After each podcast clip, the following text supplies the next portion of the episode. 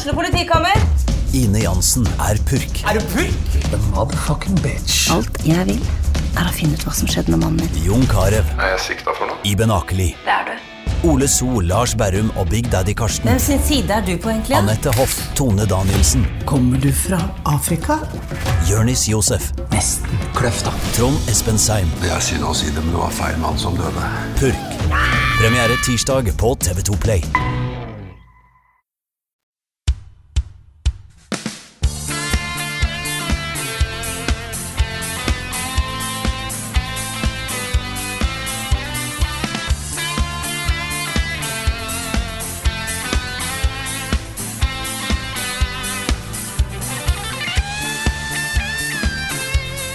Hallo alle sammen, godt nyttår, og velkommen til det som faktisk er episode av eh, Level Backup nummer 400! Airhorn.vav! Vi har faktisk nådd 400, herregud. Nytt Ja. år, eh, nye muligheter og eh, nytt, nytt tall på starten av episodeantallet. Mm.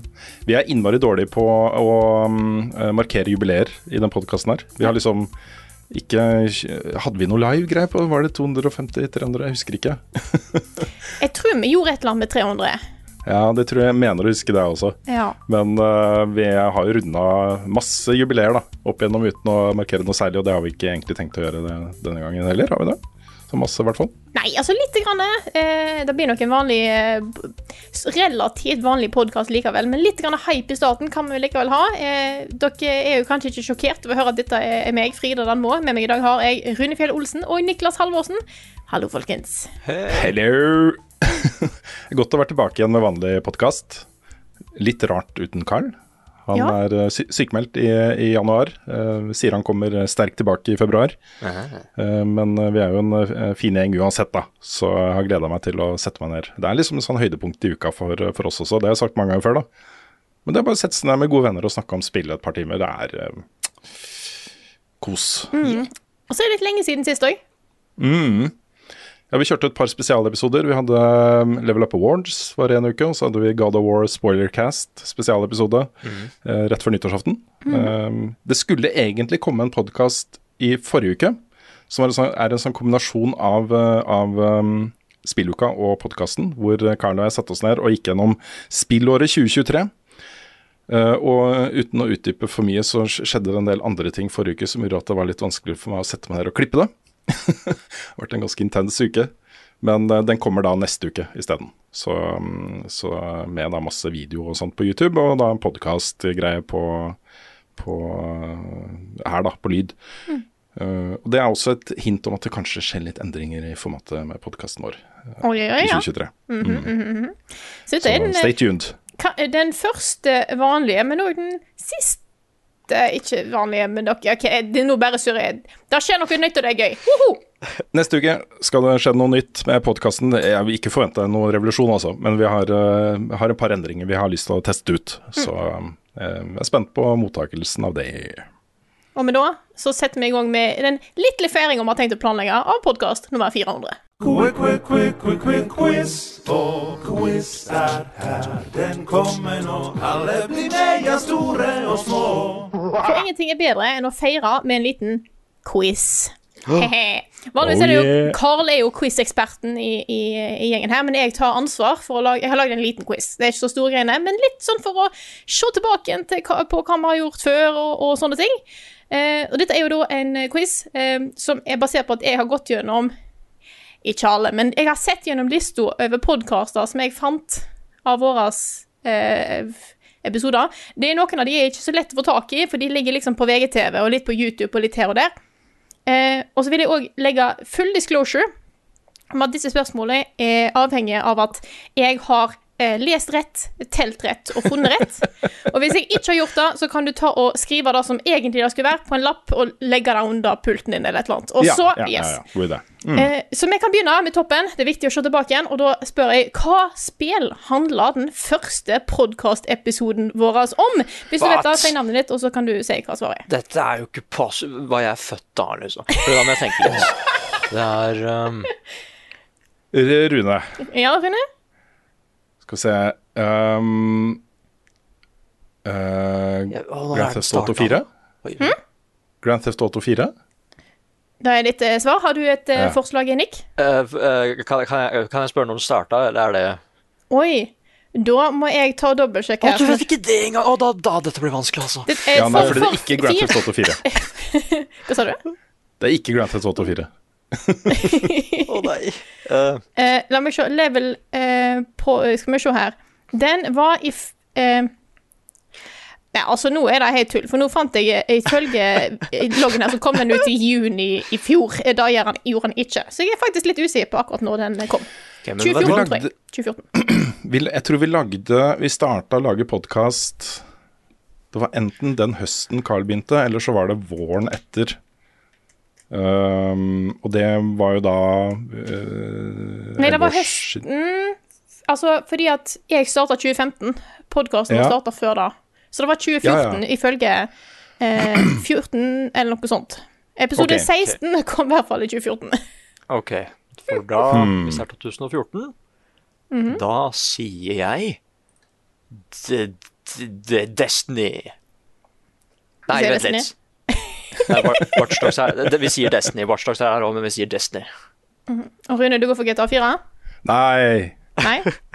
GTA 5, da. Du går for GTA 5? Ja. Det er bra du endrer, for det var GTA 5. Nei, ja.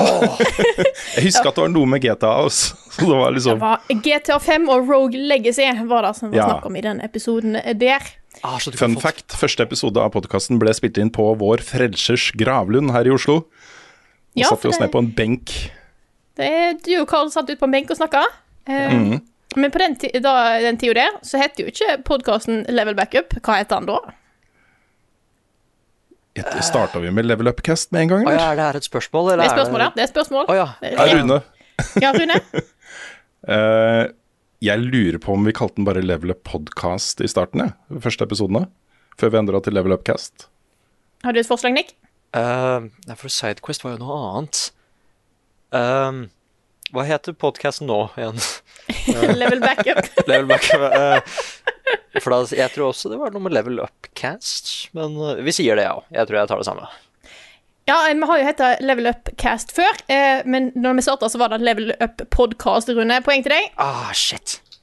Skulle nesten tro jeg var der, vet du. Du tro det var um, Vi har, uh, ut fra hva jeg har funnet, eh, full disclosure, eh, to podkaster som har tittel som kun er én spilltittel. Eh, vanligvis er titlene på en måte en liste over flere spill, men to ganger har vi kun hatt ett spill som tittel. Hva to spill er dette? Ok, den Rune? Ja, Rune? den- Nei, det er dårlig gjort, Annik. Du kan få lov til å svare først hvis Ja. du, hvis Ja, du den ene er jo Elden Ring, men uh, hva er den? Hva, hva er den før der igjen? Eh, skal, jeg skal jeg prøve Skal jeg prøve Destiny der? Ja, vi, vi, ja, vi prøver- Destiny og Elden Ring. Yes. Ja, Elden Ring er riktig, men jeg tror det andre er Breath of the Wild. Ah, shit, så klart er det. det. Nei, den andre er faktisk Destiny, så det er poeng til, til, Nick. Hva i all verden har jeg dominert så mye med bestemmelsen min? Dette er sesong to, episode én heter kun Destiny. Ah, Ja, men det var kun Destiny. Nå ble jeg litt usikker på Breath of the Wild, da skal jeg søke opp etterpå. Men når vi er inne på Destiny, Rune mm. I hvor mange eh, episoder, ifølge titler Å, og herregud. episodebeskrivelse, snakker Rune om Destiny? Åssen har du det tallet der? Ok. Kontroll F. um, Ifølge eh, det jeg har funnet. Ifølge det jeg Da har må det funnet være den som kommer nærmest. Da kan vi svare begge to. Yes. Uh, 400 episoder. Hvor mange, eh, ifølge tittel og eller emnebeskrivelse, handler Dette om er Destiny? avslørende, ass. Ja, Destiny 1 eller Destiny generelt? Ja, Destiny Destiny. generelt 1 og 2, Å, ikke sant? herregud. Ja, jeg tipper det er 50. Jeg sier 87. Oi. Oi, oi. Da er det poeng til Rune, for det er 57. Å, det sant? var så nærme! Det var mange episoder. Det det er en del episoder. Uansett veldig mange episoder. Litt flere enn jeg er komfortabel med, egentlig. Å, jeg trodde det var Og dette er spill du er glad i, da må det være lov, da. Mm. Mhm. eh, vi har jo ikke bare vanlige episoder sånn som dette her i podkasten vår. Av og til har vi spoilercasts. Ja. Hvor mange spoilercasts har vi hatt? Den her bør jo være litt Ja, dette er en bra quiz, men dette her ja. Skal vi se. Eh, En, to, tre, er fire det bare å telle, folkens. Vel, tell, tell, jeg var ikke med på Tells Game of Thrones, liksom, eller er, eh, tar vi bare spill? Alt som heter spoilercast, eh, så det er noen som ikke er spill, ja. Ok, Jeg tror vi har hatt fem eller seks. ja, for jeg sju. Da er det poeng til Nick, for det er 13. 13? What? What? Ja. Det er Hva i all verden? Hva er det vi har spoila? Vi har spoilet hva det var to Vi har spoila mange ting, men spørsmålet mitt er hva var den første spoilercasten vi lagde? Ha. Oi Hva var det? Jeg tipper uh, Sekro. Du sier Sekro? Nick, hva sier du? Mm, var det ikke noe før Sekro òg? Uh, vi hadde kanskje aldri spoilercast på de andre Fromsa-spillene. Jeg sier Ah, shit. jeg, jeg bare sier Sekiro, jeg òg. Jeg, jeg er litt usikker. Ja. Um, Sekiro har vi hatt spoilercast på, men det var ikke det første. Da var Doki Doki Literature Club. Selvfølgelig var det det! Vi Vi måtte jo snakke om det, ikke sant? Vi måtte Ja, jo snakke om det, jeg husker det nå. Å, herregud, jeg, redi jeg, jeg redigerte jo den. Så husker, jeg, så husker jeg det ikke. Det kan du se, ass. Og da eh, Nå har vi jo fått med oss at vi har hatt 13 spoilercasts. Men vi har hatt en del andre eh, bonusepisoder i tillegg, som ikke teller på en måte på antallet eh, podkaster vi har lagd. Så ut fra hva jeg har funnet, hvor mange episoder har vi totalt sånn egentlig? Oh, shit. Vel, vi har Det er i hvert fall minst. 413. Ja. Ja. 440. Da sier jeg 441. Ja. Da er det poeng til Rune, for det var 426. Ah, nei, 26, ja. Det var ikke flere. God dang it. Og da hmm. er vi jo på et eh, viktig spørsmål her, og siste spørsmål, eh, bonusspørsmål. Å, har det vært sånn 10 poeng? Jeg har, ikke, jeg har, husker, jeg har glemt å telle. hvem Du får ti poeng hvis du får det akkurat korrekt. Eh, Ah, okay. Ellers har jeg mista litt kontroll.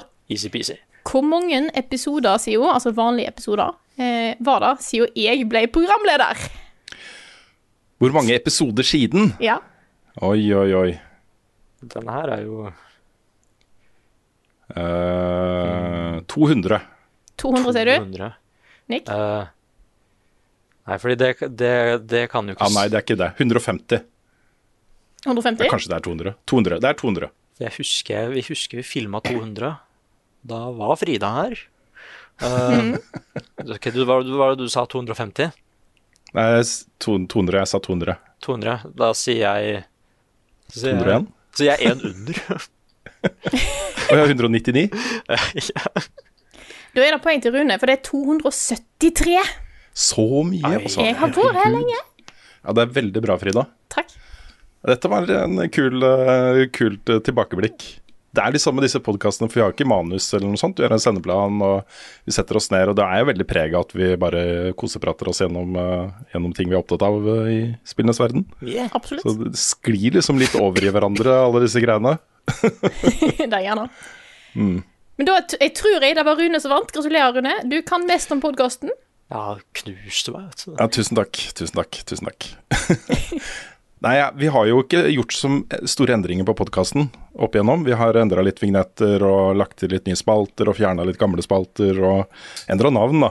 Um, kan jo uh, si litt om hva vi tenker om podkasten i uh, fremtiden. Vi kan jo eh, knytte det til et par spørsmål Ja. som, um, um, som har kommet inn uh, til episoden her. Et fra Mathias Kjølstad, som lurer på hva vi tenker fortsatt bør bli bedre på i podkasten framover. Uh, og uh, fra Jon Magnus Restad, hva må til for at det blir 400 episoder til? For ikke å snakke om en fremtidig episode nummer 1000. Og det er jo litt sånn at um, jeg personlig jeg, jeg hører ikke på mange podkaster, men jeg hører mye på podkast. Og jeg er, så jeg er ikke så happy når det blir for store endringer. og så når de bytter ut uh, folk, og når det endrer spalter, og det endrer seg mye og ofte. Men jeg er veldig glad for endringer som skjer av og til og er gjennomtenkte. Um, og en av de tingene som vi har snakka nå om siden, egentlig siden vi starta Level Backup som nytt navn, som vi egentlig bare lagde fordi vi ikke trodde vi fikk med oss Upcast-navnet fra VG-tiden. Vi trodde vi måtte lage et nytt navn, og så tenkte jeg ha-ha, dette var veldig morsomt. Vi er tilbake, ikke sant. Vi er backup. Og så er backup noe annet også, ikke sant. Så lo vi av det, og så er det en spøk som har gått seg litt tom.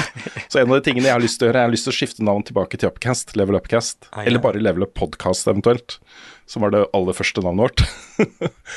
så, så det kan hende at skjer. Hva syns dere? Hva, er dere med på det hvis vi endrer navn tilbake? Ja. Jeg har ikke tenkt å eh, gå for full streik eh, i podkasten. Det har jeg ikke. Og jeg kan jo ikke si nei, sånn egentlig. Jeg er jo bare Jeg, gjest. lik, jeg liker navnet Level Upcast mye bedre Ja. enn eh, Backup, for Backup må vi vel liksom forklare. Hvorfor heter det Level Backup? Med stor U og Ikke sant? Level Upcast er mer selvforklarende. Så, så det er én ting. En annen ting er at vi har snakka mye om uh, hvordan spilluka, altså det ukentlige nyhetsmagasinet vårt, og podkasten kolliderer. Eh, der kommer vi nok til å teste ut eh, eh, noe greier på hvordan vi kan løse akkurat den konflikten. Da. Eh, fordi hvis du får med deg alt innholdet vårt, så blir det veldig mye dobbelt opp. Du har spilluka på mandager, og så kommer podkasten på fredager. Og så er det liksom, vi snakker om de samme sakene ofte, og mye gjentagelser og sånt. da. Så, så kanskje få en litt større differensiering mellom de to eh, eh, kunne nok vært eh, ålreit. Men ellers så Jeg, jeg eh, tror at veldig mange av de som hører på podkasten vår, um, hører på den av samme grunn som vi lager den. At man uh, deler en time eller to med uh, samtaler om aktuelle og ikke-aktuelle spill. Og betraktninger om spillmedie og uh, TV-serier. um, som blir på en måte en del av, av ukesrutina vår og ukesrutina til de som hører på. Um, og det tror jeg ikke vi har tenkt å gjøre så mye med. Um, det kan hende, dette er en ting vi har snakket en del om, da, men som er litt sånn tidkrevende og ressurskrevende. Det kan hende at vi lager flere podkaster. Fordi vi er glad i å lage podkast, og vi er ganske flinke til å lage podkast. Og vi har ideer til nye podkastkonsepter som, eh, som det hadde vært eh, morsomt å, å utforske. Så, så kanskje istedenfor at det blir kjempestore endringer på denne podkasten, så kanskje det kommer ny, andre podkaster, nye podkaster. Eh, et eller annet. Something. Jeg vet ikke. Det er ikke noe som er spikra der også, men eh, vi har i hvert fall snakka mye om det. Så mm, med tanke på spørsmålet til Jon Magnus om hva som skal til for at det blir 400 episoder til, nei, det er jo Da må vi jo bare ha lyst til å fortsette, da. og ha, at vi fortsatt har et publikum og har råd til å fortsette. Så jeg håper jo på det. Det blir jo ca. åtte år til, da. Vi er oppe i eh, 800 episoder. Ja, da kan vi holde på litt til, syns jeg. Mm. Da er jeg eh, gammel. gammel mann. Ja, jeg er også litt eldre nå, altså. Ja. Nei, men det er gøy å lage podkast også. Jeg er glad for at vi starta med dette her. Og det har jo blitt en kjempe Jeg vil jo også legge til da, at eh, av alt det innholdet vi lager, med unntak av liksom enkeltanmeldelser og, og sånne ting som er liksom blåser litt opp Uh, Det blåser opp var en veldig dårlig oversettelse, men uh, ok. Ja, ja. Skjønner hva jeg mener. Yes. Det er jo det mest eh, populære innholdet vi, vi lager. Vi har eh, eh, veldig gode lyttertall på podkasten vår. Det ligger sånn mellom 8000 og 10 000 i uka, eh, faktisk. Og det er eh, Det er tydelig da, at eh, det er mange som egentlig bare hører på podkasten vår. Så det, det vet vi, og det, det eh, preger jo det er også satsingen vår. Dette skal vi fortsatt lage. Dette skal vi fortsatt satse på. Hva har du spilt i det siste? Noe som har gått flere uker siden sist podkast, har vi jo hatt god tid til å catche litt opp på de tingene som ligger på backloggen vår. Det er jo sånn en ofte bruker ferier og litt sånne ting til. Rune, har du lyst til å starte med hva du har spilt siden sist? Jeg kan godt det, fordi um, For det første så for først, Det her er egentlig det første året hvor jeg har sittet sånn i desember med en sånn følelse at nå har jeg spilt det aller, aller meste av de tingene som jeg tror hadde havnet på, på min toppliste. Det er et par hull, da, øh, men, øhm, men sånn stort sett så følte jeg meg fornøyd med hva jeg hadde gått gjennom. Så jeg hadde ingenting som hang over meg at dette må jeg få spilt. Og, så var jo planen min egentlig da, å endelig liksom komme ordentlig i gang med The Witcher 3, etter at det kom en eh, sånn next gen eh, Det er jo current gen, da, men en ny oppdatering Ja. til spillet. Eh, så jeg satte meg ned, installerte det og var klar til å starte. eh, men så var det en følelse som murra i bakhodet mitt, og som var sånn eh, Den ble sterkere og sterkere på en måte for hver nye kåring da, som kom av eh, det beste spillet i 2022. Um, og alle disse nye videoene som dukka opp av folk som tok det opp første gang og sånt. Så jeg klarte ikke å motstå. Jeg begynte å spille Elden Ring igjen, altså. Nei! Dette var nye spill, Ja, det, det var altså utelukkende fordi alle snakka om det igjen. For man skulle oppsummere året, ikke sant. Og det ble Game of the Year på Game Awards. Eh, toppa listene til den ene etter den andre, og jeg var på toppen av min liste, og jeg liksom besøkte igjen de følelsene jeg hadde hatt om det spillet, snakka om det på Nyhetsmorgen på NRK, og det var liksom så mye, da, snakk om Elden Ring, at jeg var sånn Jeg må bare, jeg må bare ta en runde til. Uh, og det har vært eh, det var Først så spilte jeg det for kos, men så tenkte jeg du vet, vent litt. Rann. Det jeg mangler fra dette spillet for ettertiden, det er sånne no-hud, kule shots av at jeg, at jeg banker opp bosser og går på kule lokasjoner og sitter og ser utover kule vistaer og sånn. Ja, en Så er det jeg har gjort, da. Ja, ja, ja. Ja, så jeg bare lagd masse klipp da, av at jeg rundhjuler uh, ene bossen etter den andre og står og ser på pene ting og går gjennom kule ganger og, eh, og sånt. Det er sånn ordentlig sånn stemningsskapende. Det, dette skal jo bli en video. Jeg hadde jo en toppliste på NRK som jeg skulle lage før jul, og så rakk jeg ikke det. Og så skjedde det ting etter nyttår som gjør at jeg ikke fikk tid da heller. Men det kommer en video hvor jeg også skal lage sånn mine topp ti spill for 2022 eh, på Level Up-kanalen.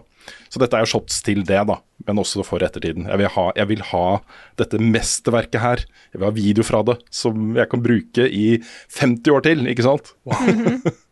Så det har vært kos, altså. Det har vært skikkelig kos å gjenbesøke det spillet. Og ikke bare det, folkens. Jeg har vært på steder jeg aldri har vært på før. Wow! Hvordan er det mulig? Etter så mange hundre timer jeg har spilt det spillet, så plutselig så oppdager jeg sånne mini-dungeons og områder og våpen og armor sets og sånn som jeg Dette har jeg aldri sett før. Så til og med fullførte Raya-questen, Nick, for første gang. Så, um, så det er liksom fortsatt da, inn, nytt innhold uh, innimellom her. Og det er, uh, er amazing, det spillet. Også. Jeg, det begynner å nærme seg nummer én på all time beste spill. For min del, altså. Det, det gjør det. Uh, det har gått et år nå nesten, og jeg tenker fortsatt på det ofte. og innså plutselig at det jeg gleder meg aller mest til, det jeg hadde blitt aller mest hypa for å se, var bare announcementen av Elden Ring 2. Mer enn Bloodborne, mer enn noe annet, så er det det jeg har mest lyst på nå. så det, det er jo et tegn på at det er et eller annet her, ikke sant. mm. Så det har egentlig bare blitt det. Jeg har, øhm, jeg har øh, ja, nesten bare spilt Elden Ring, nesten ikke rørt Destiny i jula. Eh, jeg gleder meg veldig til Lightfall, som kommer i februar. Men øh, er liksom, det er andre ting som interesserer meg mer nå, da. Um, og så spiller jeg fortsatt Wordle hver dag. Hver eneste dag Ja. spiller jeg Wordle. Det er, så, det er så kjekt å høre dere snakke om Elden Ring, for dere er så ekstremt Altså, det er så Dere brenner sånn for det. Da syns jeg alltid gøy å høre folk snakke om ting de er så engasjert i. Det er amazing, det spillet der. Altså. Det, er, det er så sjukt bra. Jeg lurer på hvor mange millioner de har solgt bare i jula, altså siste måneden. For det runda jo 17,5 millioner solgte i fjor høst. Um, det er helt åpenbart, i hvert fall fra mine feeder, at her er det mange nye spillere. også. så um, ja, det har tatt litt av de siste, den siste måneden, egentlig. Kult. Nick, har du lyst til å fortsette? Ja, for jeg har, jeg har backlogga så hardt ikke sant, i ferien. Mm. for det er eh, Nå har jeg kommet meg gjennom Triangle Strategy. Live Alive. Live, live, li, live, live, ikke Jeg live, det live, Live live, Live. Live Alive. ja. Li- Live Live Live Alive. Uh, Callisto Protocol. Uh, starta på Signalis. Og så går det, det går litt uh, trått akkurat nå, men jeg prøver å bli ferdig med Xenoblade 3. Nice. Eh, mens når det kommer til da gamle spill Jeg fant fram PlayStation Nå som det endelig liksom er annonsert at det kommer noe nytt, så fant jeg fram min PlayStation 2 og 3. Og så spilte jeg Armor Core. Du gjorde det, ja. Det, det ble Armor Core i jula. Du, er, det en, er det en potensiell video eller for folk? Altså, ikke nå, liksom, men i forbindelse med lanseringen av Armor Core 6?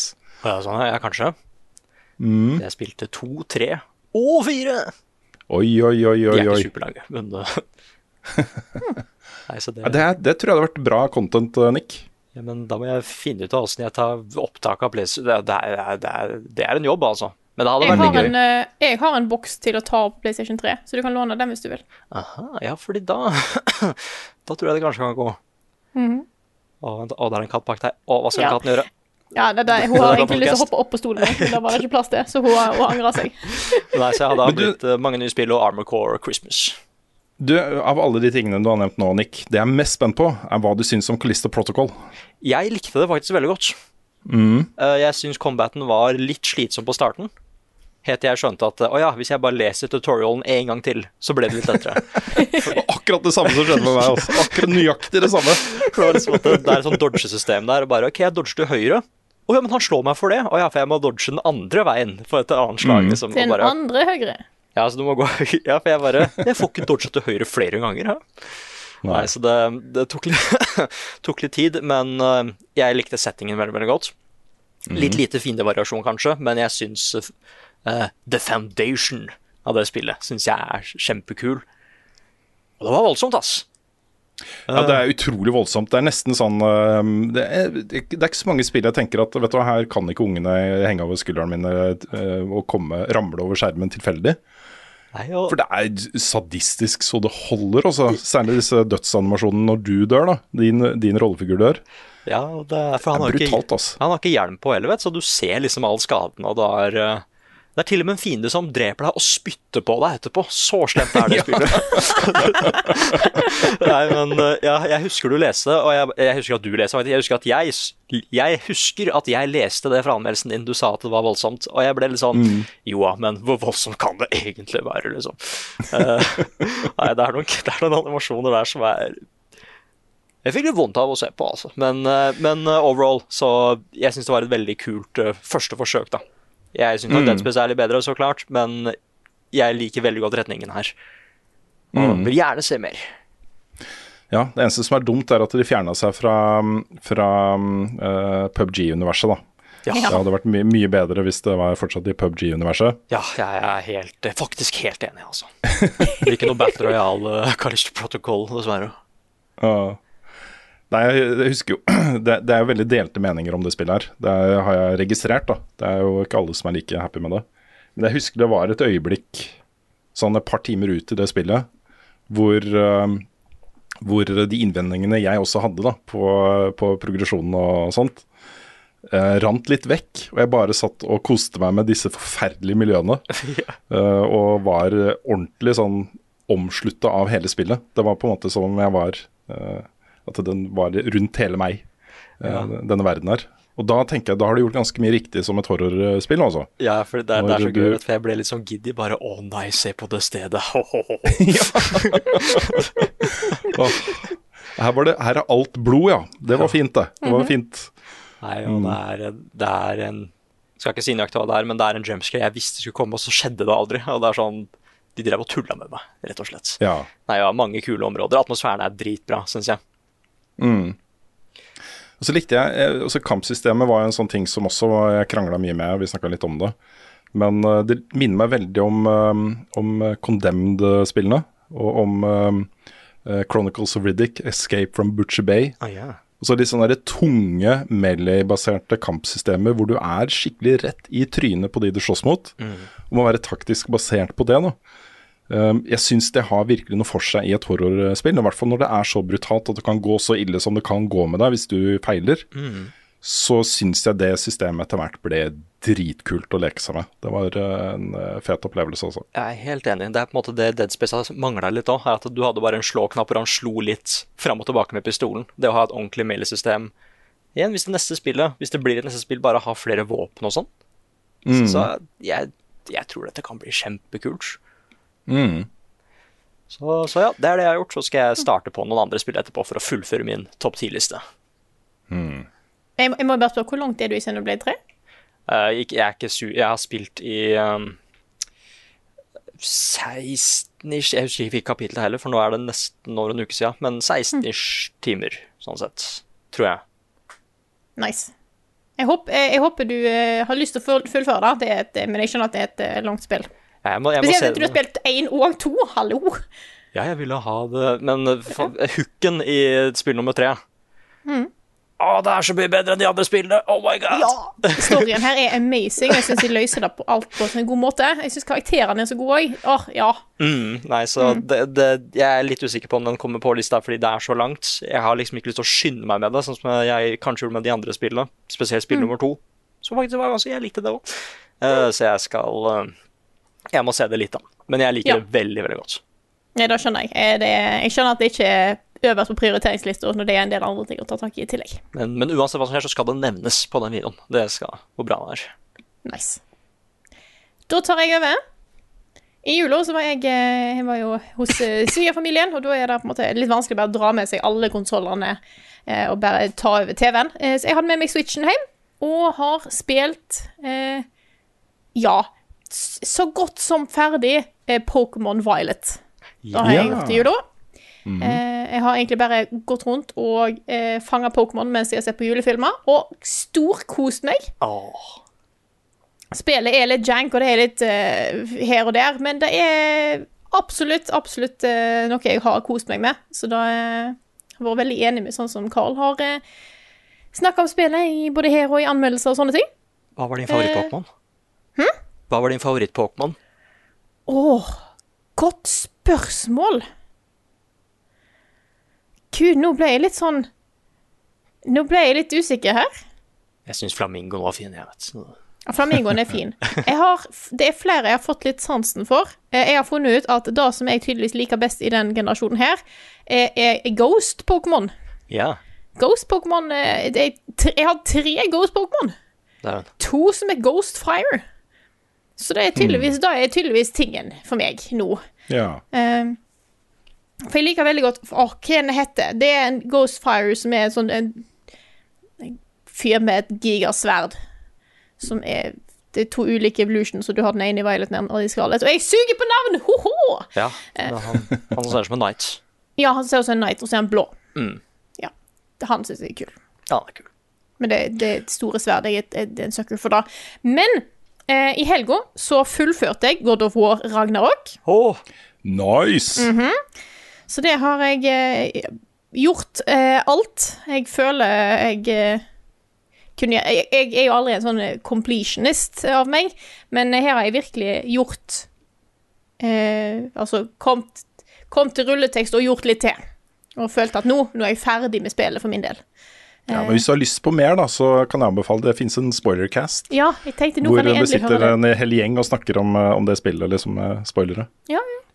En del av de 13 spoilercastene vi har lagd, faktisk. Ikke sant? Nei, den tenkte jeg skulle få høre nå, da, for jeg ble ferdig nå i, på lørdag. Eh, fantastisk spill. Eh, utrolig mye flotte, varme scener mellom eh, Kratos og Atreas. Jeg syns da har de virkelig fått til på en, på en god måte. Eh, Veldig, veldig mye fine scener som jeg likte veldig godt. Mm. Dette ble litt forlengelse av spoilercasten, da, men jeg syns akkurat de scenene også eh, forsterkes, og det temaet uh, forsterkes ved at den på en måte speiles i forholdet mellom Trud og hennes foreldre. Ja.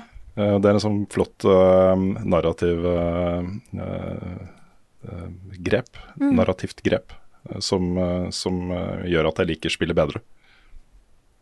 Helt sant, det hadde jeg ikke tenkt på, men det er jeg eh, helt enig i. Ja, nei, eh, jeg skal høre spoilercasten. og Vi har jo snakka mye om Ragnarok her, så jeg tenker jeg kan legge den til sides. Men eh, andre ting som, jeg, som jeg vet at folk blir fornøyd med, er at jeg i går, eh, jeg og mannen min, starta på Immortality. Herlig! Er noen timer ute i det, og har en del spørsmålstegn som er oppi hodet mitt som jeg håper jeg får svar på eh, etter hvert. Eh, Men jeg er ganske hooked eh, nå, da. Har, har sett en del ting som gjør meg intrigued. Har du fått Har du kommet til liksom oh shit? Ja. Ja, bra. Da er jeg da kommet til etter en ikke så altfor lang tid i går, og så var det sånn OK, shit, hva betyr dette her? Og så, eh, ja. Så jeg har kommet til eh, oh shit, da vil jeg si. det, er oh shit, hva kan det være? Du, vet du, med din filmbakgrunn og sånt, eh, Nick, du kommer til å Jeg er nesten helt sikker på at du kommer til å elske det spillet her, altså. Ja. Mm. Men jeg er veldig glad for eh, anbefalingen som kom fra deg og eh, Karl Rune, om å spille dette med kontroller. Ja, det er viktig også. Ikke, ikke, ikke tenk at det er, kan det bety så mye. Ja, det betyr ganske mye. Ja. For jeg tenkte dette her var kanskje et mus- og tastaturspill, og så fant jeg fram kontrolleren og fikk også spørsmål fra mannen min er ikke dette et mus- og tastaturspill. Eh, Og så fant jeg ut at nei, dette er kontrollerspill. Ja, det er det. Men eh, da jeg planer om å fullføre da, og så har jeg et par andre spill på lista mi før jeg setter strek for året, og en av de er Vampire Survivors, så da har jeg tenkt å starte Ja. på ganske snart. Nei, jeg har jo testa Vampire Survivors. Jeg har eh, full uh, respekt for alle som uh, blir uh, hooked. Og det, det er, sånn som jeg har forstått det, hvis du først blir hooked av det spillet her, så er det lite som du blir mer hooked av enn det. I noe. I naturen eller, eller fra fabrikker. eller små laboratorier. Um, og det skjønner jeg veldig godt. Uh, jeg personlig er ikke helt der, liksom, men uh, har ingen problemer med å skjønne det. Jeg vet ikke heller om jeg har lyst til å fortsette å spille for å komme dit. Fordi når jeg hører noen, sånn som Svendsen f.eks., snakke om dette, og måten han snakker om det på, så har jeg egentlig ikke plass til Vampire Survivors i livet mitt. Hvis jeg kommer dit. Hvis det, hvis det blir like ille for meg. Men um. Det er en uh, herlig, herlig perle fra spillåret 2022, altså. Ja, og så føler jeg at jeg er nødt til å oppleve det, for å Bare for å på en måte eh, få, eh, få et inntrykk av hele 2022 som en helhet, så må jeg spille Vampire Survivors, tenker jeg. er jo kjempebra. Ukens anbefaling. Det er sikkert mange som lurer på Hei, podkast på en tirsdag. Dette er nå litt grann rart. Eh, det er en spesiell grunn til det. I dag er det nemlig en sperrefrist, og heldige Rune Fjell Olsen, du har sett hele sesongen av The Last of Us-TV-serien. Gjett om jeg har! Gjett om jeg har. uh, og nå kan dere egentlig bare forestille dere at uh, gitarene til Gustavo Santa Lala Santa mm. Lala, jeg syns det er så vanskelig å Jeg vet ikke hvordan du uttaler det engang. Uh, kommer inn uh, bak, bak ting jeg skal snakke om. Å, jeg hører det allerede. Ikke sant? Men dette her er jo da eh, TV-serien basert på det første The Last of Us-spillet. Utviklet av uh, Naughty Dog i samarbeid med Craig Massin eh, og, og hans team. Eh, og Craig Massin var jo en av de som sto bak uh, Chernobyl-TV-serien. Eh, og eh, jeg må, jeg må innrømme at også når det gjelder forventninger til adaptasjoner av spillgreier, så er de alltid hos meg lave. Er, jeg tenker at eh, det kan bli bra, men, men eh, sannsynligvis ikke i nærheten av spillet. Um, I dette tilfellet så kan jeg i hvert fall starte med å si at dette er den beste adaptasjonen av noe spillgreier jeg har sett. Uh, og da inkluderer jeg Arcane. jeg inkluderer Tomb Raider-filmene og Warcraft og Sonic og, og Detective Pikachu og, og alt. For dette er bra TV. Også bra TV sammenligna med annet bra TV. Hvis man ikke har spilt spillet, hvis man bare er glad i gode TV-serier, så har du nå en fantastisk ni episoder lang uh, TV-serie, postapokalyptisk TV-serie med um, infeksjon og zombielignende monstre og en uh, utrolig sterk og rørende historie i bunnen å glede deg til altså. Uh, og det har jo vært en av de store, store tingene som jeg har vært spent på. Fordi The Last of Us-spillene er jo uh, eksempler på spill jeg har trukket fram flere ganger som eksempler på spillhistorier som kunne ha fungert uansett hvilket medium det kom i. Det kunne vært en god bok, det kunne vært en god film, en bra uh, TV-serie, en bra tegne, uh, tegneseriebok. Um, og jeg har vært spent på om det stemmer. Og så hvis man flytter denne historien som vi har opplevd interaktivt, over i et annet medium, er den like god? Og i dette tilfellet så vil jeg si at den er det, altså. Den er det. F.eks. For eksempel så kan man stille seg spørsmålet Kommer TV-serien til å eh, være, gå til liksom de samme ekstreme stedene? Det er et, noen punkter i The Last of Us som gjør direkte vondt å oppleve når du spiller det, eh, og de gjør det. De eh, følger alle de store plottpoengene fra spillet veldig tett. Eh, samtidig så eh, så tar de seg en del friheter. Så det du vil oppleve, er at mye av dialogen, eh, mye av lokasjonene, altså bygninger fra disse byene som du reiser gjennom, det ser ut som det er henta rett ut fra spillet, men det er også fordi spillet har henta det rett ut fra virkeligheten, så de har en sånn synergi der som er innmari fin. Um, og hendelser og dialoger og, utveksling av greier er henta rett fra spillet. Men så har de også tatt seg en, del friheter fordi det er et, uh, et TV-medium. Uh, og nesten uten unntak syns jeg de frihetene beriker historien. Dette er ofte da, eksempler på um, på hva skal man si, law, eller bakgrunnslaw, eller historie, som også hadde gjort spillet bedre, men som blir vanskeligere å, å fullføre i spillet. Hvis du, hvis du tar for deg um, måten de bygger det opp på i The Last of Us Part 2, hvor man går litt fram og tilbake i tid, og du får liksom bakgrunnshistorier, og du møter rollefigurer i andre settinger, og, uh, man reiser litt fram og tilbake, så gjør de mer av det i TV-serien. Uh, og Det betyr jo da bl.a. at noen av disse sidehistoriene som er dritgode i spillet, uh, er litt annerledes i TV-serien. Da vil jeg først og fremst trekke fram historien om Bill og Frank. Um, jeg, skal, jeg, skal, ikke si noe om den, liksom, men hvis du har spilt spillet um, Han er survivalisten Bill, som du møter. Er jo spilt av Nick, Nick Offerman her. Ah, det er god casting. Mens, ja, utrolig god casting. Uh, og Det er en sekvens i spillet hvor mye av, av det som skjer med Frank, blir mer fortalt. Altså Du kan lese brev og, og, sånne ting, og du får litt mer bakgrunnshistorie om hvem Frank var fra det. I TV-serien så møter du faktisk Frank uh, i en sånn bakgrunns... Uh, tilbakeblikk, da. Um, spilt av Murray Bartlett, som jeg nylig har stifta bekjentskap med i White, The White Lotus. Er, han er hotellbestyreren der i en veldig sånn homofil rollefigur som, som er skikkelig sånn Nesten sånn Eh, John Cleese, uh, Faulty Towers-aktig. Men her er han jo en uh, dritseriøs, uh, veldig veldig god rollefigur, da. Så, så, den er sånn berik... Jeg får, får, mer The Last of Us på en måte av dette. Jeg er så glad for at de gjør det. I andre tilfeller så har de kanskje ikke løst det like godt som i spillet. Um, jeg har ikke lyst til å si så mye om det, men slutten av The Last of Us-spillet um, er jo en, eh, en, eh, ganske sånn åpen for tolking-type slutt. Um, litt, litt, sånn sammenlignbart med siste episode av Sopranos f.eks., hvor man går fra opplevelsen med en del sånn Man må drøfte det med seg selv, man må prosessere og sånne ting. Uh, og det er et øyeblikk da tidligere i sesongen hvor, uh, hvor de bygger liksom litt opp til slutten, og det syns jeg var dumt. Det syns jeg det var dumt de gjorde. Det, det burde de ha latt være. Så det er det eneste negative jeg har egentlig å si nå. Um, nå blir det mye prat her, men dette blir, dette blir en slags anmeldelse, ikke sant. Vi har sett alt. Ja, ja, uh, jeg vil også si at, uh, at uh, Pedro Pascal, han er jo åpenbart en god Joel. En åpenbart, liksom. Dette kunne man se bare fra bilder, at ja, dette er Joel. Det funker kjempebra. Mye mer kritikk rundt valget av Bella Ramsey som, uh, som Ellie.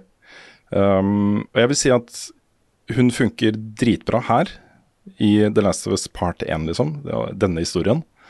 Um, fortsatt litt usikker på om, om, hun vil være like god til å bære uh, hvis de skal lage uh, noe basert på part 2 to, og et, etter hvert 3. Men akkurat her i hvert fall så gjør hun en veldig god jobb.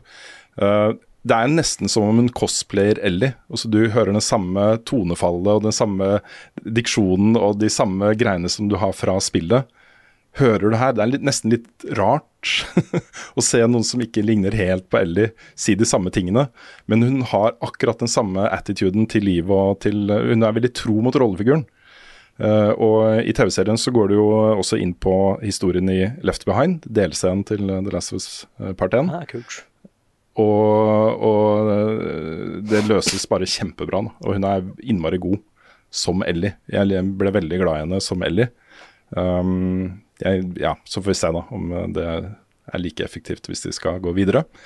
Um, det er også kult å nevne at både Ashley Johnson og Troy Baker, som jo spilte Ellie og Joel i, i spillet, har jo små, men utrolig betydningsfulle og kule rollefigurer i denne serien her.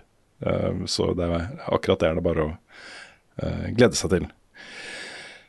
Så for å runde litt av, da, så um, så er det jo sånn at, eh, at um, jeg var jo på sånn førpremiere sammen med Carl og Espen og Sebastian um, rett før jul, og så første episoden og gikk fra den og var sånn holy shit, de har fått det til. Dette her er dritbra, det er noe av det beste jeg har sett.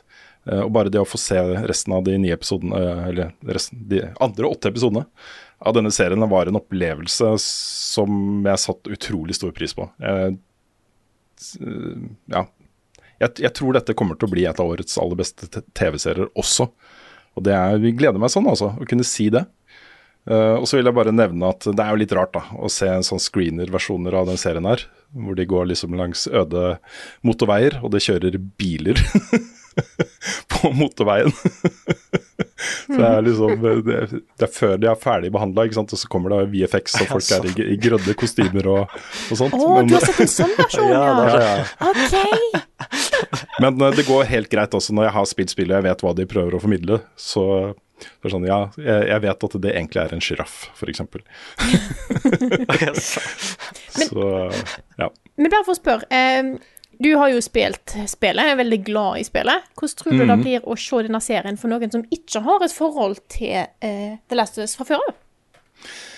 Altså, du får jo det akkurat den samme historien. Eh, de er veldig tro mot, mot originalhistorien, og der de tar seg friheter, føler jeg at nesten uten unntak så beriker det universet. Uh, for eksempel så, så eh, har de jo noen tilbakeblikk til hvordan verden var før denne pandemien. Eh, og det er noen koblinger der som knyttes ganske tett mot eh, den pandemien vi er i. Eh, at man får en del assosiasjoner da, som, eh, som er ganske ubehagelige.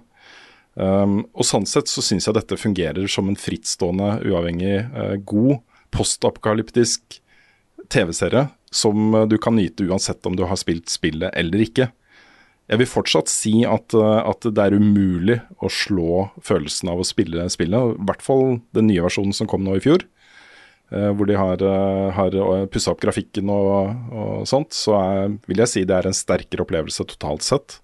Men satt opp mot um, andre TV-serier, eh, Walking Dead eh, kanskje naturlig å sammenligne med, så er dette helt der oppe, altså. Dette er en, bare en knakende god historie med sterke rollefigurer og en, eh, en utrolig god setting og vendinger. og Det er vondt å se på, men, men det er veldig, veldig spennende, altså. Så jeg tror at man kan sette seg ned med dette spillet, og så får man umiddelbart lyst til å spille part to. Og det kan du gjøre. Det er massevis av innstillinger der. Hvis ikke du har spilt noe særlig spill før, liksom, så kan du bare skru på masse hjelpemidler og spille det gjennom som en historie. Um, og være forberedt på å bli blown away av eh, stedene de går til der. Men jeg tenker jo at dette Jeg tror da, jeg har en spådom. Uh, jeg, hvis dette blir en suksess, hvis ikke HBO eh, kansellerer denne serien, så tror jeg part to, altså spillet part to, blir delt opp i to sesonger. Ja. At det blir sesong to og tre, er min spådom. Og da er de kanskje klare da til en, eh, en sesong fire, når eh, faktisk spillet part tre kommer. Ja. Men eh, er dere spente? Hva tenker dere? ja. Dette skal jeg, skal jeg få sett når det kommer på Var det søndag Ja, det er på natt? søndag. Eller det blir natt til mandag kanskje her i Norge, da. Det er 15. som er premiere i USA. Eh, og det er på søndag her. Men det, det, da er det vel sant at det pleier å komme to-tre-tida på natta eller noe sånt, er det ikke det på HBO? Det stemmer. Mm. Så natt til eh, neste mandag, da, om en uke, så, så kommer uh, eh, Det er i hvert fall jeg, jeg tror de legger ut ukentlige episoder her. Um, den første episoden er ganske lang, det er jo spillefilmlengde på. Å. Uh, uh, kanskje av naturlige grunner, men um, eh, så skal det da komme ukentlig, og det er jo timelange episoder, dette her. Så det er jo ni og en halv time med The Last of Us Content på TV, med bra skuespillere og bra regi og bra historie og alt, så det er jo bare å glede seg, altså. Dette er, eh, er eh, ja, sjokkerende bra, rett og slett. Det er sjokkerende bra. Hvis jeg skulle gitt en score, så ville jeg i hvert fall gitt eh, en Åh, det ble vanskelig, det hadde jeg ikke tenkt på før jeg sa det høyt. Du satte deg sjøl i den posisjonen her. Ja, jeg gjorde det. Jeg tror jeg ville gitt det sånn ni av ti, faktisk. Ja. Kan, ja, kanskje. Det er noen av de episodene også, som er ti av ti, som er like bra som spillet. Men eh, sånn alt i alt, kanskje, pga. den ene greia jeg nevnte, så kanskje ni av ti. Og det er jo vilt høyt da, for Ja, ja. en TV-serie basert på et spill. Herregud. Her kommer nyheter med Rune Fjell-Olsen, og han har ikke hår. Denne uken, akkurat denne uken her som vi er inne i nå, så er det Awesome Games Done Quick igjen, Ja! folkens. Det kjører og går nå. Det starta på lørdag eller søndag eller når det var. eh, og skal gå hele uka. Og Det er 24 timer i døgnet, verdens kuleste livestreams med speedruns. Fra verdens kuleste speedrunnere og osv. Og, og det er et sånn bredt spekter av forskjellige spill. da. Uh, går ikke gjennom hele schedulen her, men bare uh, gå inn på gamestonquick.com og, og sjekke ut uh, schedulen. Det er vilt mye spill, som alltid. Min favoritt, det som jeg gleder meg mest til, er nok uh, Metroid Dread. Som skal uh, gjennomføres med alle bosser uten glitches på 1 time og 35 minutter på lørdag. Wow. Det tror jeg kan bli en sjukt fet stream også. Mm. Ellers er det jo eh, Dark Souls 2 og mye Sonic og Mario og Zelda og, og sånt. Alle sånne. Jeg tror faktisk jeg så Astro der òg. Oh. Mm. Den er uh, Den ligger ha- halvparten av tiden sto det på Estimate Time, men det noen av oss klarte. Så det er litt uh, Ja, fordi, vet du hva, det, det har vært litt kult. Vi, det var jo finaleepisoden i Duellen, eh, sesong to av Duellen. Sjekk den ut. Den ligger på YouTube. yes. Oh yes. Og jeg har, jeg har tenkt på det mye etterpå, etter at vi spilte det. Hva om, da, vi hadde fått muligheten til å øve? til å øve på dette spillet, og bruke liksom en uke på å bare perfeksjonere uh, playthroughen. Det kunne vært gøy, altså. Ja. Just saying. Just saying. ja. Det er jo ikke en dum idé, liksom. Ja, jeg hadde kanskje til og med visst hvor uh, inngangen til uh, siste bossrommet var også. Ja, jeg, jeg følte sant. med deg, for jeg husker da jeg spilte det første gang, så var jeg sånn Hvor er den der jækla greia?! Det husker jeg sjøl at jeg var sånn irritert mye over.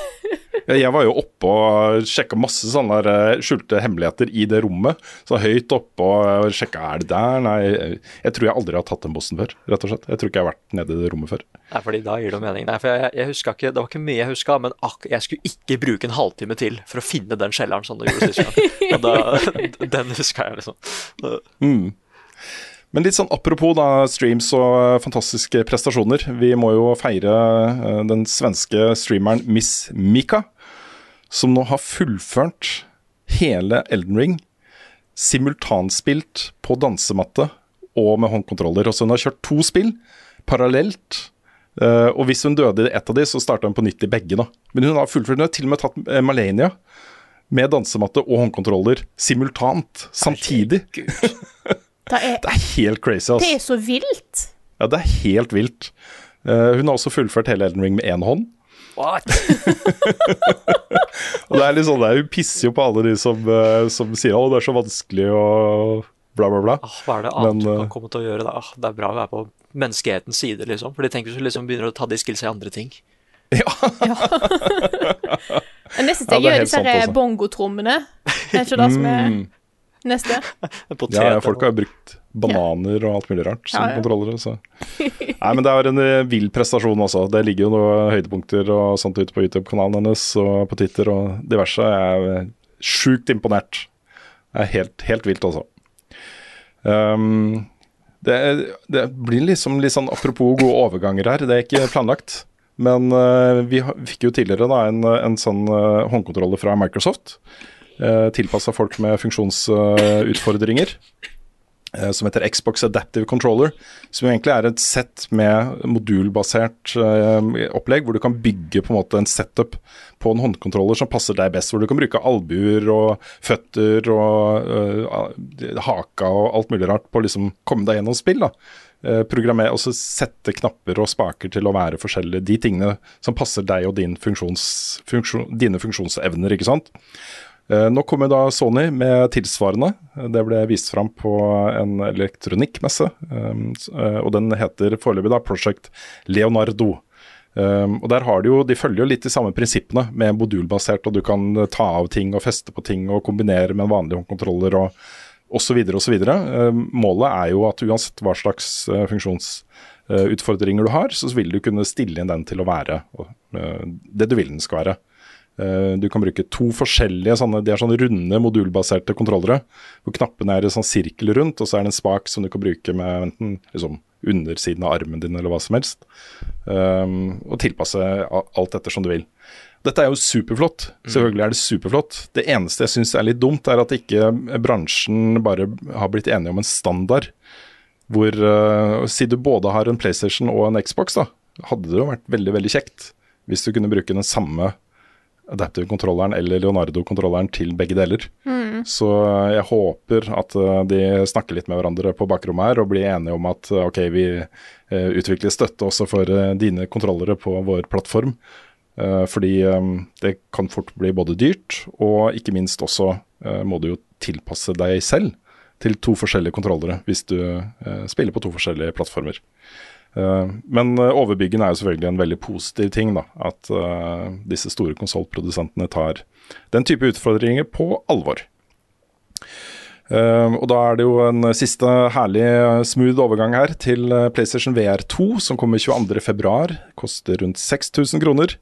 Der var det en egen sånn pressekonferanse Sony holdt i forbindelse med denne elektronikkmessa, hvor det også ble kjent at Grand Gran Turismo 7 en oppdatering der, VR-oppdatering, blir eh, en av launch-spillene til PSVR2. Jeg vil si det er en killer-app, ass.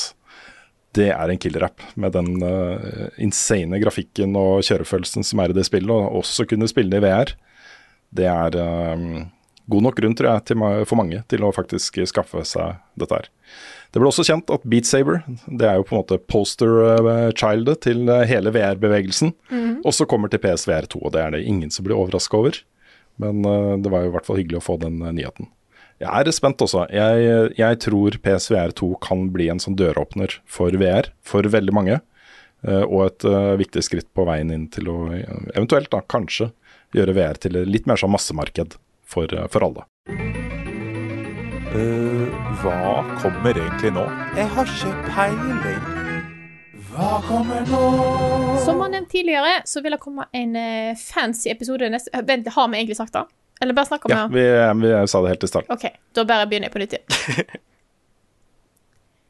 Som han nevnt tidligere, så kommer det en eh, spesialepisode neste uke av podkasten eh, slash eh, spilluka. En eh, liten eh, fancy hybrid, der eh, Rune og Carl skal snakke om eh, spill i 2023.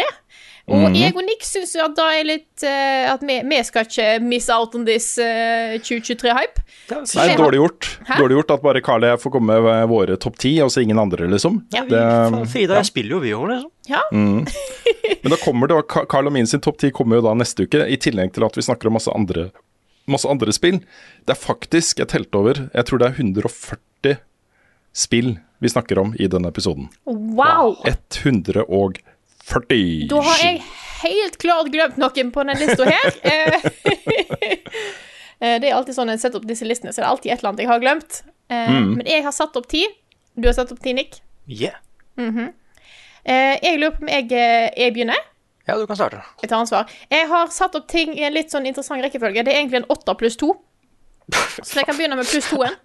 Uh, og det er fordi at jeg har delt opp uh, spill som kommer i full release, og spill som kommer i early access.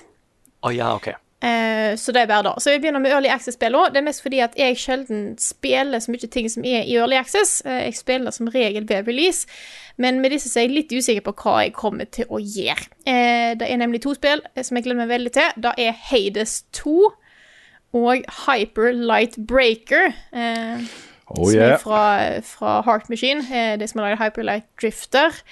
Og Solar Ash. Dette er en gjeng jeg er veldig glad i. De lager veldig mye kule spill, så jeg er veldig spent på, eh, på det. Og så Hades, selvfølgelig.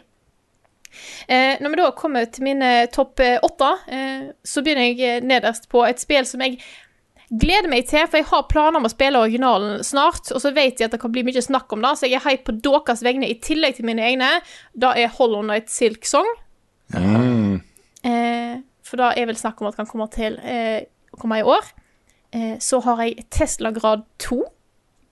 Likte veldig godt originalen der. Jeg tror det blir 24, altså. Ja, det er mulighet for det, men jeg har Ja. den her eh, for now.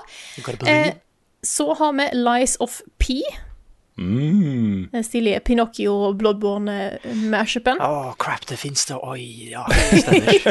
Jeg bare gleder dere til neste uke, og de 140 spillene. Alle de spillene dere Å ja, det ja, det glemte jeg. Yes. Så dette er igjen For vi har også glemt noe. Ja. Det er ting ikke vi har snakka om, som vi burde ha hatt med der, ikke sant? Ja, det er alltid sånn.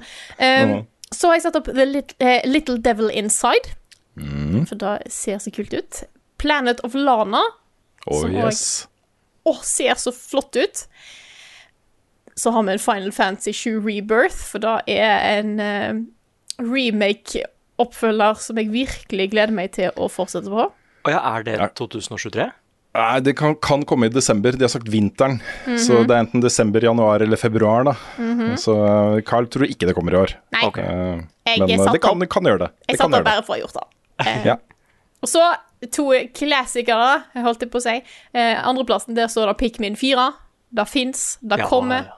Det, eller det er i hvert fall lov å håpe på at det faktisk skal komme. De har sagt det. Um, og øverst er det selvfølgelig Breath of the Wild. Nei, ikke Breath of the Wild. Legend of Zelda, Tears of the Kingdom. Breath Tears of the Kingdom. 2. Ja. Yeah. Ja. Det Det hadde vært kult hvis de kalte det Breath of the Wild 2 også, i tillegg til hele den andre tittelen. Ja, ja, ja. Ja, det hadde jeg gjort, helt klart. Mm. Legend of Zelda, approach. kolon. Ja. Breath of the Wild 2, kolon. Tears of the Kingdom. Ja. Ja. A Knives Out Mystery.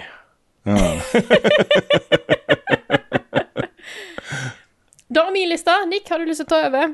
Ja, da gønner jeg på, og det er regelen akkurat sånn som jeg hadde sist gang, er at de må ha sagt at det hadde vært kult hvis det kom i år.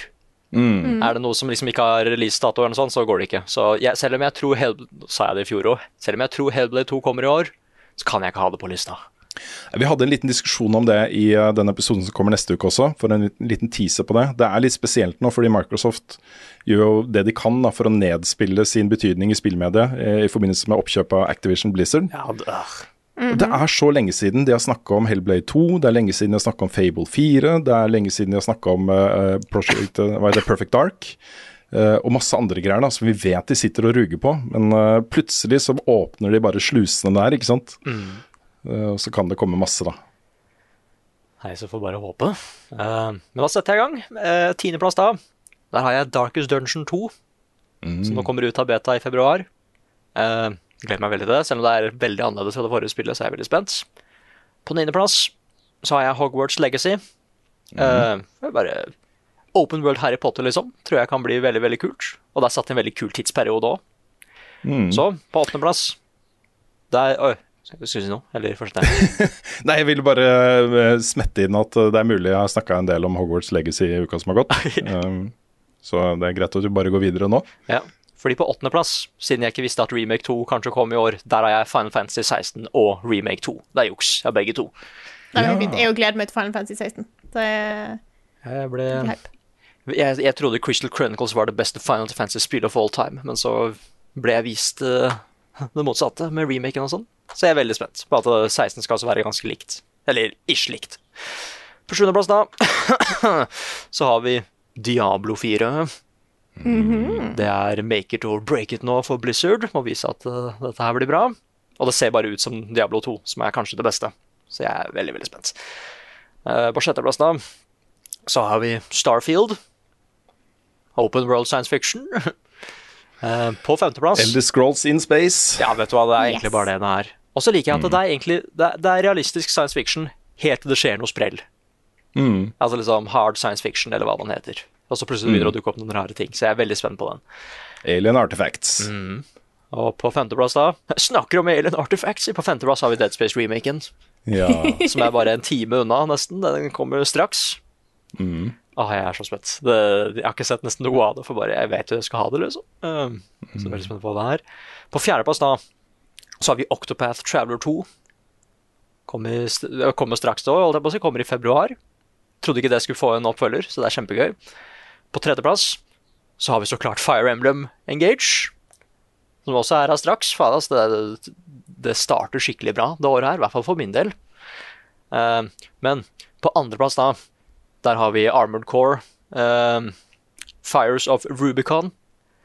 Og jeg kunne ønske at de ikke sa at de holdt på med det. For det hadde vært et så kult øyeblikk da de annonserte traileren. For det hadde vært sånn Å, hva er dette for noe? Er det FromSoft in Space? Nei, fy søren! Jeg kjenner igjen roboten. Det er Arnold Core. liksom. uh, nei, derfor har jeg spilt det også i jul, før liksom, gjorde meg litt klar til uh, Armored Core. Kjempespent på det. Kan dere gjette hva som er på toppen? Det er veldig, veldig nikk. Og de har sagt at det kommer i år. Eller de har bare lyst. Oh, vent! Er Ja, det Fire Emblem? Nei, jeg har Fire Fire Emblem alltid på tredjeplass. Ja, det sa de jo selvfølgelig. Ja. Nei, for jeg tenkte, jeg tenkte at det var Zelda, jeg, men uh... Nei, det er ikke Selda. Jeg har faktisk ikke Selda på lista. Uh, det er en, en Men classic. Dette har jeg lyst til å tenke litt på, altså. Gi det ett minutt. Det er kanskje ikke så Hollow lenge. Night Silk Song. Nei, ikke det. Et veldig klassisk Nick-spill. Hva kan det være? Jeg, det er ikke noe Er det Open World? Spiderman som kommer? Det er Spiderman, vet du. Ja, Ja, det ja, selvfølgelig er det Ja. Spiderman. Ja. selvfølgelig. Nå er vi veldig dårlige her, altså. Nei, jeg, jeg, jeg hadde Ikke bare glemt glemte jeg at du nettopp hadde sagt Fire Emblem, og gjetta masse sånne tulleting som nei, det er Spiderman 2. Det er eh, jeg, jeg tror det blir bra, så klart. Men fy, Ragnarok, liksom. Den oppfølgeren der. Nå må Spiderman 2 virkelig levere, altså. mm. For gode sequels. Miles Morales var veldig veldig bra, men dette er en ordentlig oppfølger. Så jeg er, jeg er så sykt spent. Det er jo både med Peter Parker og Miles Morales og Venom. Ja. Han er ikke helt spill nummer tre, han er der nå, liksom. Mm, det er et bra utgangspunkt. Nei, så, å, jeg, jeg, er så, jeg, jeg er så giddy, og jeg, jeg gleder meg til den perioden hvor jeg har det. Ta Mm. fram min vintage urge og bare spiller det hele dagen. liksom. Blir det co-op, tror du? Nei, jeg tror ikke det. Eh, det, det hadde jo vært litt kult, men jeg tror ikke det har vært kult i lengden, kanskje. Det kommer litt an på hvordan historien blir bygd opp. Mm. Men at du skal bytte fram og tilbake, sånn helt klart. Mm. Men jeg tror nok kanskje ikke det blir co-op, dessverre. Nei. Så, så ja, det er min liste. Ja, det var gode lister. Og det er, det er Dere har også sagt ting som jeg ikke har med i eh, neste episode. Så eh, det er Det å spå et år som det der er sjukt vanskelig, altså. Det er så mye greier som er uavklart, og eh, kommer plutselig på Å ja, det er sant, det. Det skulle jo også komme i år. Så det er litt synd. Men uh, det blir jo mer sånn finger i lufta på, på hva vi har å se fram til, da. Yeah. er hennes best, hvor var fredag sist? Har Carl egentlig sopp? Ukens spørsmål. Nå som det er et nytt år, så er det veldig greit å se tilbake igjen på ting. Og en ting vi har lyst til å se tilbake igjen på, er noe som vi nettopp eh, var ferdig med på YouTube-kanalen vår. Så vi snakker selvfølgelig om Duellen. Eh, Den nye sesongen vi har hatt eh, gående der, som gikk over i 22-23. Vi har et spørsmål fra Lars Henrik Rosten Gabrielsen, som spør hva tenker dere om årets duellensesong. Har dere noen generelle høydepunkt og eller mishaps som enten sjokkerte dere, eller ga et varig inntrykk? Nei, Først og fremst vil jeg jo si at, uh, at uh, det, jeg mener dette er noe av det beste innholdet vi har. Ja. Um, det feirer spillmediet på en sånn utrolig flott måte, og det er gøy å se på, selv om jeg er deltaker selv, og det er godt klippet og godt satt sammen og godt tenkt da, eh, hele veien gjennom. Um, det er skikkelig underholdende spill-TV, så kudos, Nick. Det er mm -hmm. strålende jobba, altså. Ja, fy We did it together. Vi hadde ja, de beste skuespillerne. Ja, for det er jo da, når vi har hatt duell, f.eks. for eksempel den eh, sesongen som jeg var med i på VGTV, så var jo, vi var der, vi opplevde, det. du fikk en vinner, og så var det jo gøy å se hvordan det ble tatt imot da det kom ut, men det er noe med disse, disse to siste sesongene nå, der vi har spilt inn alt for oss selv. Jeg tror Mm. de som er mest gira på å se disse episodene har vært oss, fordi at vi vet jo ingenting med heller. Nei, vi har jo hatt egne, egne private visninger av disse episodene over Discord, mm. og sittet og sett det før det ble publisert, ikke sant? Og det har jo vært superkos. Åh, ja, og jeg tror kanskje et av mine høydepunkt er da å se Jump King med dere. For jeg satt og grein av latter. For det er bare det å, å se det der og oppleve det, på en måte det der sinnet vi kollektivt hadde mot Jump King i hvert Mm. vårt rom, eh, men på en måte å endelig se det og le av hverandre eh, sammen, eh, var Mm. altså så festlig. Det eneste jeg vil si om uh, duellen som vi må tenke litt på, det er at det, er jo, det tar jo utrolig lang tid å lage det. Jeg syns det er verdt altså De to sesongene har vært verdt å lage de, fordi de har, uh, har berika kanalen vår og, og porteføljen vår av, av innhold, liksom. Uh, men um, det, det tar litt mye tid, altså. Uh, så kanskje en liten pause nå før neste sesong, men vi skal lage mer. Det er, det er for gøy og for bra Ja, til å. Ja. Ja, men da kan jeg ta to favorittøyeblikk fra sesongen. Og da kan jeg ta det liksom fra et favoritt-Rune-øyeblikk og favoritt-Frida-øyeblikk som jeg kom på nå i farta, liksom. ja. Siden dere to er her. Eh, Det er, eh, det er litt gøy. Det, ser, det skjer jo samme episode, men det er når vi skal opp fjellet på Getta. ja. Eh, og den første jeg kan ta Frida sin, er hvor den Motorsykkelen er bra, liksom, men den klarer ikke helt å nå opp fjellet, så da må du være litt smart på hvordan du skal svinge opp. Det syns jeg var kjempemorsomt. Fordi du, Slalom, du svingte, fr- ja, du svingte fram og tilbake, fram og tilbake, og da var det så gøy å klippe til det. Fordi du hadde den samme strategien hele tiden. Og da var det kjempegøy å se åssen du skulle komme ned igjen. Mens eh, på Rune så var det det at eh, du kjører opp med bilen, og du, er, du passer på så du ikke kjører over en sånn uh, turgård, liksom. Men så ståler bilen opp og begynner å svinge og begynner liksom å rygge nedover. Og da kommer han der karen og tar deg igjen på veien. Ja. Og det syns jeg var gøy. Så det var litt sånn Jeg visste ikke helt åssen jeg skulle klippe det. Men situasjonen i seg selv gjorde det morsomt aleine. Så det var Mm. så gøy å sette det sammen. Jeg ler Ja. fælt når jeg klipper det sammen. Ja, men det er bra at du koser deg. Nei, så det, hvis- Akkurat de var kjempemorsomme. Hvis jeg skulle gjort det annerledes, så tror jeg kanskje det, I og med at jeg vant første sesong, så, um, så jeg var ikke li- like innbitt jeg hadde, Det konkurranseinstinktet jeg vanligvis føler når jeg duellerer, var ikke helt til stede i denne sesongen. Um, men jeg hadde mer den innstillinga at nå skal jeg kose meg med spill som er morsomme å spille. Så um, jeg tror kanskje til neste, neste sesong så stiller jeg litt bedre forberedt mentalt, kanskje. Ja. Jeg tror Hvis jeg skulle gjort en ting annerledes, så hadde det vært å ikke godtatt at vi eh, skulle velge karakterer som vi skulle ha i både Mario Party og Mario Kart. For karakterer har så sjukt mye å si i Mario Kart, og da tror jeg eh, da, da å ha en heavy karakter når du skal kjøre 200 CC på bil Det var en um, opplevelse, skal jeg, eh, skal jeg si deg. Så det, det er min personlige, min personlige ting. Yeah. Yeah? Mm. Tar du et spørsmål, Rune? Jeg kan ta et fra Roland Hasseleid, som spør uh, Godt nytt og produktivt år. Det er jo ikke et spørsmål. Uh, statement. Jeg savner spilluka i ukentlige intervaller. Er det noen planer om å få til det etter hvert som man nå er flere i redaksjonen? Uh, og svaret, det korte svaret på det er ja. Vi ønsker at spilluka skal være en ukentlig ting. Så når vi setter i gang igjen nå, det blir vel neste uke, så er planen å være ute da med ukentlige episoder. Kan også nevne at spilluka er jo et av de det innholdet vi har som vi føler kanskje har mest potensial sånn kommersielt. Kanskje, kanskje prøve å finne noen publiseringspartnere, noen sponsorer, eh, få beefe opp kvaliteten litt. eh, gjøre litt mer ut av det. Så um, eh, spilluka er uh, definitivt uh, høyt oppe på priori prioriteringslista vår for eh, 2023. Yeah. Så fikk du både det korte og det litt lengre svaret på det.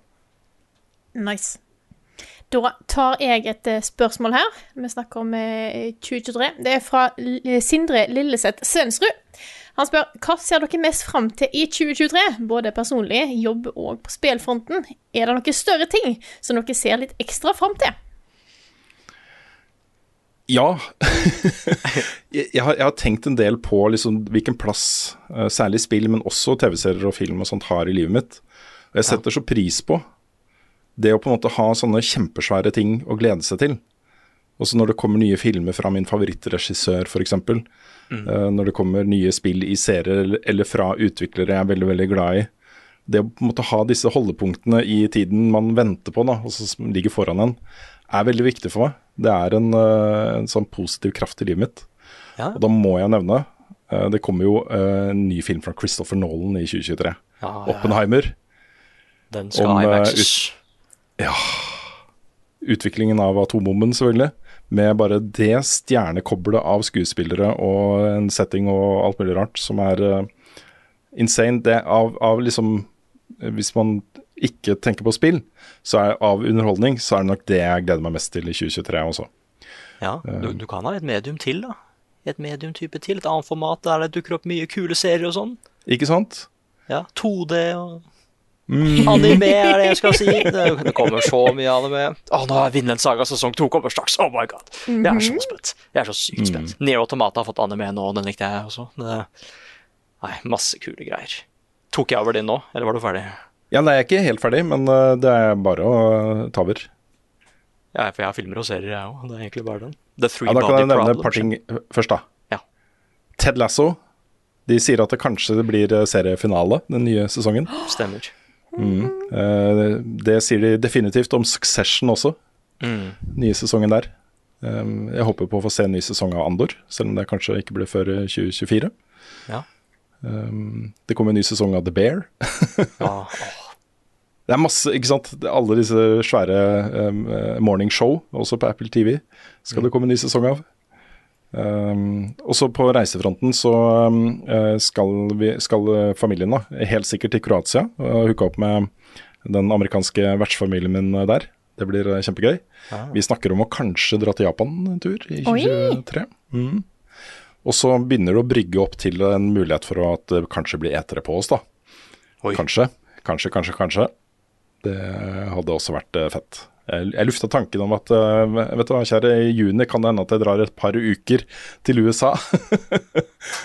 det var, var ikke så veldig populært, men jeg skal nok klare å overtale den hvis det blir noe av, da. Ok. Jeg håper OK, nå, nå sier jeg noe forferdelig her. Bare så sagt. Jeg håper nesten ikke det blir tur, for jeg kan ikke dra. Nei. Så, eh, så jeg vil ikke gå glipp av Jeg vil ikke gå glipp av det med dere. Men eh, selvfølgelig jeg unner dere en tur til USA. Det gjør jeg. Fordi at min store ting er jo at jeg skal fullføre doktorgraden i år. Mm, Og der skal jeg sannsynligvis ha en disputas i juni. nettopp. Så det er på en måte blir vanskelig å være i LA da. Ja, det er litt tricky, faktisk. Det må jeg innrømme. Nei, det er Jeg unner dere 100% en tur til E3. Det var ikke, eh, det, det var ikke ment sånn. Det, jeg, det er ikke, jeg håper ikke at dere ikke får dra. Det er ikke sånn det er. Jeg bare skulle ønske at jeg òg kunne få dra. Du håper litt at vi blir hjemme hvis ikke du får vært med? Ja. Nei da, herregud. Absolutt ikke. Nei, det er, for meg så er det vanskelig å tenke på andre ting når jeg har den store tingen hengende over meg. Eh, Da må jeg innrømme. Eh, men eh, forhåpentligvis blir jeg ferdig til eh, med skrivinga til våren og disputas til juni. Ellers er 2023 et kjempespennende år for meg. Jeg skal selge leilighet og flytte til Sandefjord. Jeg skal starte en ny jobb. Eh, ja. eh, Jeg blir 30 i, i november. Hva er Oi. dette året her? er er fullstappa av eh, spennende ting for meg, egentlig. Så Yeah. det, er, mm, det er litt av et år. Absolutt. Så nå er det litt Nå driver jeg og på en måte i innspurten av, av den vanskelige jobben. Eh, men begynner å se enden på det. Det er litt, eh, det er litt behagelig, altså. Når jeg har holdt på med dette i fire og et halvt år, så nå begynner jeg å bli litt klar for å være ferdig. Mm. Ja, jeg ser den.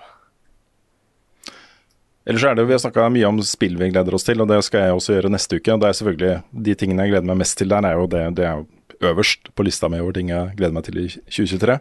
Men litt sånn apropos det, da, så er det jo um, alltid innmari, innmari gøy når uh, spillstudioer du er innmari glad i, annonserer sin neste store ting. For eksempel så vet vi, eller kan i hvert fall anta, at, eh, at dette året her så kommer vi til å se de første glimtene fra, og kanskje til og med lanseringen av det neste spillet til Playdead, så Inside og Limbo. Eh, Housemark, uh, som har lagd verdens beste spill, Returnal. Bare kommer garantert til å avduke noe nytt, ikke sant, i, i 2023, som vi kan gå og glede oss til. Så eneste jeg håper der, er at det blir like bra som Returnal. For det er jo verdens beste spill. Um, ikke sant? Og kanskje delsett til Elden Ring. Kanskje Elden Ring 2. Kanskje noe annet uh, Soulsborne-aktig fra From Software. Plutselig så kommer de announcementene ikke sant? på en eller annen pressekonferanse, og så sitter vi der, og så er vi gira så det holder. Ja. Så, um, så det, det er sånn, også noe å se fram til. Det man ikke vet om ennå. Mm. Og du, Nick, hadde du noe mer på lista? Det var Eh, Jeg jeg skal sette i gang eh, kortfilmåret mitt denne gangen. Oi! Det er det jeg skal. Så jeg skriver manuser til ting og tang, så skal jeg prøve å samle noen gjenger og litt sånn. Dere altså, hvis det er tid. Oh. Oi, oi, oi. Så må dere hjelpe meg å lage noen kortfilmer hvis dere liker ideene og sånn. Selvfølgelig. Gjerne. Stiller opp. Altså det, det, det hadde vært gøy. Faktisk prøve å lage noe skikkelig her nå. Ja, det er kult. Sier jeg nå etter at jeg har lagd duellen. Det er også skikkelig, det er jo faktisk jobb. Men jeg har så mange Ja, det er eh, Akkurat nå ser det ut til at eh, Nå som jeg også har flytta til byen, nå ser det ut til å være lettere å samle, samle folk og møtes til å lage disse tingene. Så det er bare gøy. Og bare fortsette med level up, liksom. Det er mye som må anmeldes og lages der òg, altså. Skal vi ta et uh, siste spørsmål her, eller? Ja, jeg har i hvert fall ett jeg har lyst til å svare på uh, her. Ja, ta det. Vær så god. Um, det er fra Alexander uh, WS, som uh, uh, spør Hva er det som får dere til å velge kontroller istedenfor mus og tastatur, eller omvendt? Jeg har alltid spilt på PC, brukte en Xbox-kontroller når jeg spilte Elden Ring etter at dere anbefalte det på en tidligere podkast. Har etter dette blitt veldig glad i å spille dataspill med kontroller i stedet for mus og tastatur. Det forsterkes seg bare etter at jeg kjøpte en PlayStation 5 også. Uh, en ting som jeg fortsatt strever med, er skytespill hvor man må finsikte. Da velger jeg alltid mus og tastatur hvis spillet finnes på PC. Så da spør han da, hva får dere til å velge det ene framfor det andre, nå som flere spill finnes på flere plattformer. Og den hovedtingen med kontroller er jo den derre lene seg tilbake. Og så man sitter ikke framoverlent over et tastatur og mus. Man har en mer sånn derre komfortstilling når man spiller. Og den er ganske viktig, også. Og da kan jeg også akseptere, f.eks. da i noen skytespill, at eh, jeg ikke har like god aim. Når jeg får muligheten til å bare lene meg tilbake med en kontroller i fanget, liksom. Det er en uh, mer komfortabel måte å spille på, egentlig. Ja, jeg, òg. det er helt klart en Jeg er så glad i å sitte i en sofa og slappe av. Eh, Jeg syns jo eh, We var peak avslapping, for da kunne du sitte med WeMoten i ene ene og nunchucken i andre og bare ligge på sofaen og bare så vidt bevege deg. Jeg trenger ikke ha armene samla for å holde en kontroller engang. Men eh, for meg så er det eh, Det er noen spill jeg fortsatt går til eh, til mus og tastatur på. Jeg spiller lite skytespill, så jeg spiller sånn som Control og sånt, med, med skyting. Da tar jeg fortsatt med kontroller. Men eh, hvis det er ting som har mye on-screen-menyer, så går jeg alltid for mus og tastatur. Da snakker vi City Mm. Skylines eh, Ja, og den sant. type ting. Eh, The Sims. Da, Mm. da, da er ikke kontrollerspill for meg. Nei. Ja, det er et godt poeng. Jeg spiller ikke så mange av den type spill, men der er det litt sånn selv, selvsagt, egentlig. Kanskje mm. mer selvsagt til og med enn i skytespill. Jeg har spilt masse eh, COD, Warzone 2, uh, med kontroller. Og jeg merker jo at jeg ikke snur meg like kjapt som disse gærne apekattene med mus og tastatur. Men uh, har det gøy allikevel, altså. Uh, det er greit. Du, I de fleste skytespill nå så har du jo masse sånn tilleggs-aim assist og sånne ting hvis du bruker kontroller, ikke sant. Så Mm. det jevner seg litt, litt ut, i hvert fall. Litt ut. Selv om jeg, jeg mener jo at det skal litt til også. Eh, og hvis skill-nivået er omtrent likt, eh, det å sette en mus- og tastatur-skytespiller opp mot en håndkontroller-skytespiller, da har nok eh, mus og tastatur en liten edge. Mm. Ja, jeg er egentlig en hybrid av dere. Uh, Mm. blir, vi, blir vi bedt om Får vi kode og vi kan velge liksom, plattform, så velger jeg alltid konsoll. Men hvis det bare er på PC, så bruker jeg mus og tastatur der for skytespill. Ja. Person. Og samme strategi også. Men Mm. eh, som regel kan jeg ha en kontroller, så velger jeg som regel det. Med mindre spillet er nesten ikke lagd til det. That's the rule. Mm. Nå skal jeg løpe et møte, så jeg tror eh, vi må runde av, eh, Vi runder av. Eh, dette er episode 4. 00400, faktisk, Holy av podkasten Level Backup utgitt av moderne medier. Låten i introen og outroen er skrevet av Ole Sønnik Larsen og arrangert og framført av Kyoshu Orkestra. Vignettene er lagd av fantastiske Martin Herfjord. Resten av innholdet vårt og hele sesongen av Duellen finner du på youtube.com slash levelupnord. Og på twitch.tv slash levelupnord er det mye interessant innhold av opptak fra streams, så hopp gjerne inn der. Eh, vi har en discord på discord.gg slash levelupnorge, så bli gjerne med der. Og støtt oss på patreon.com slash levelupnorge hvis du vil at vi skal lage mer av det innholdet her, og du syns at det er verdt å betale for. Eh, vi setter ekstremt stor pris på alle dere som gjør det, så tusen, tusen takk.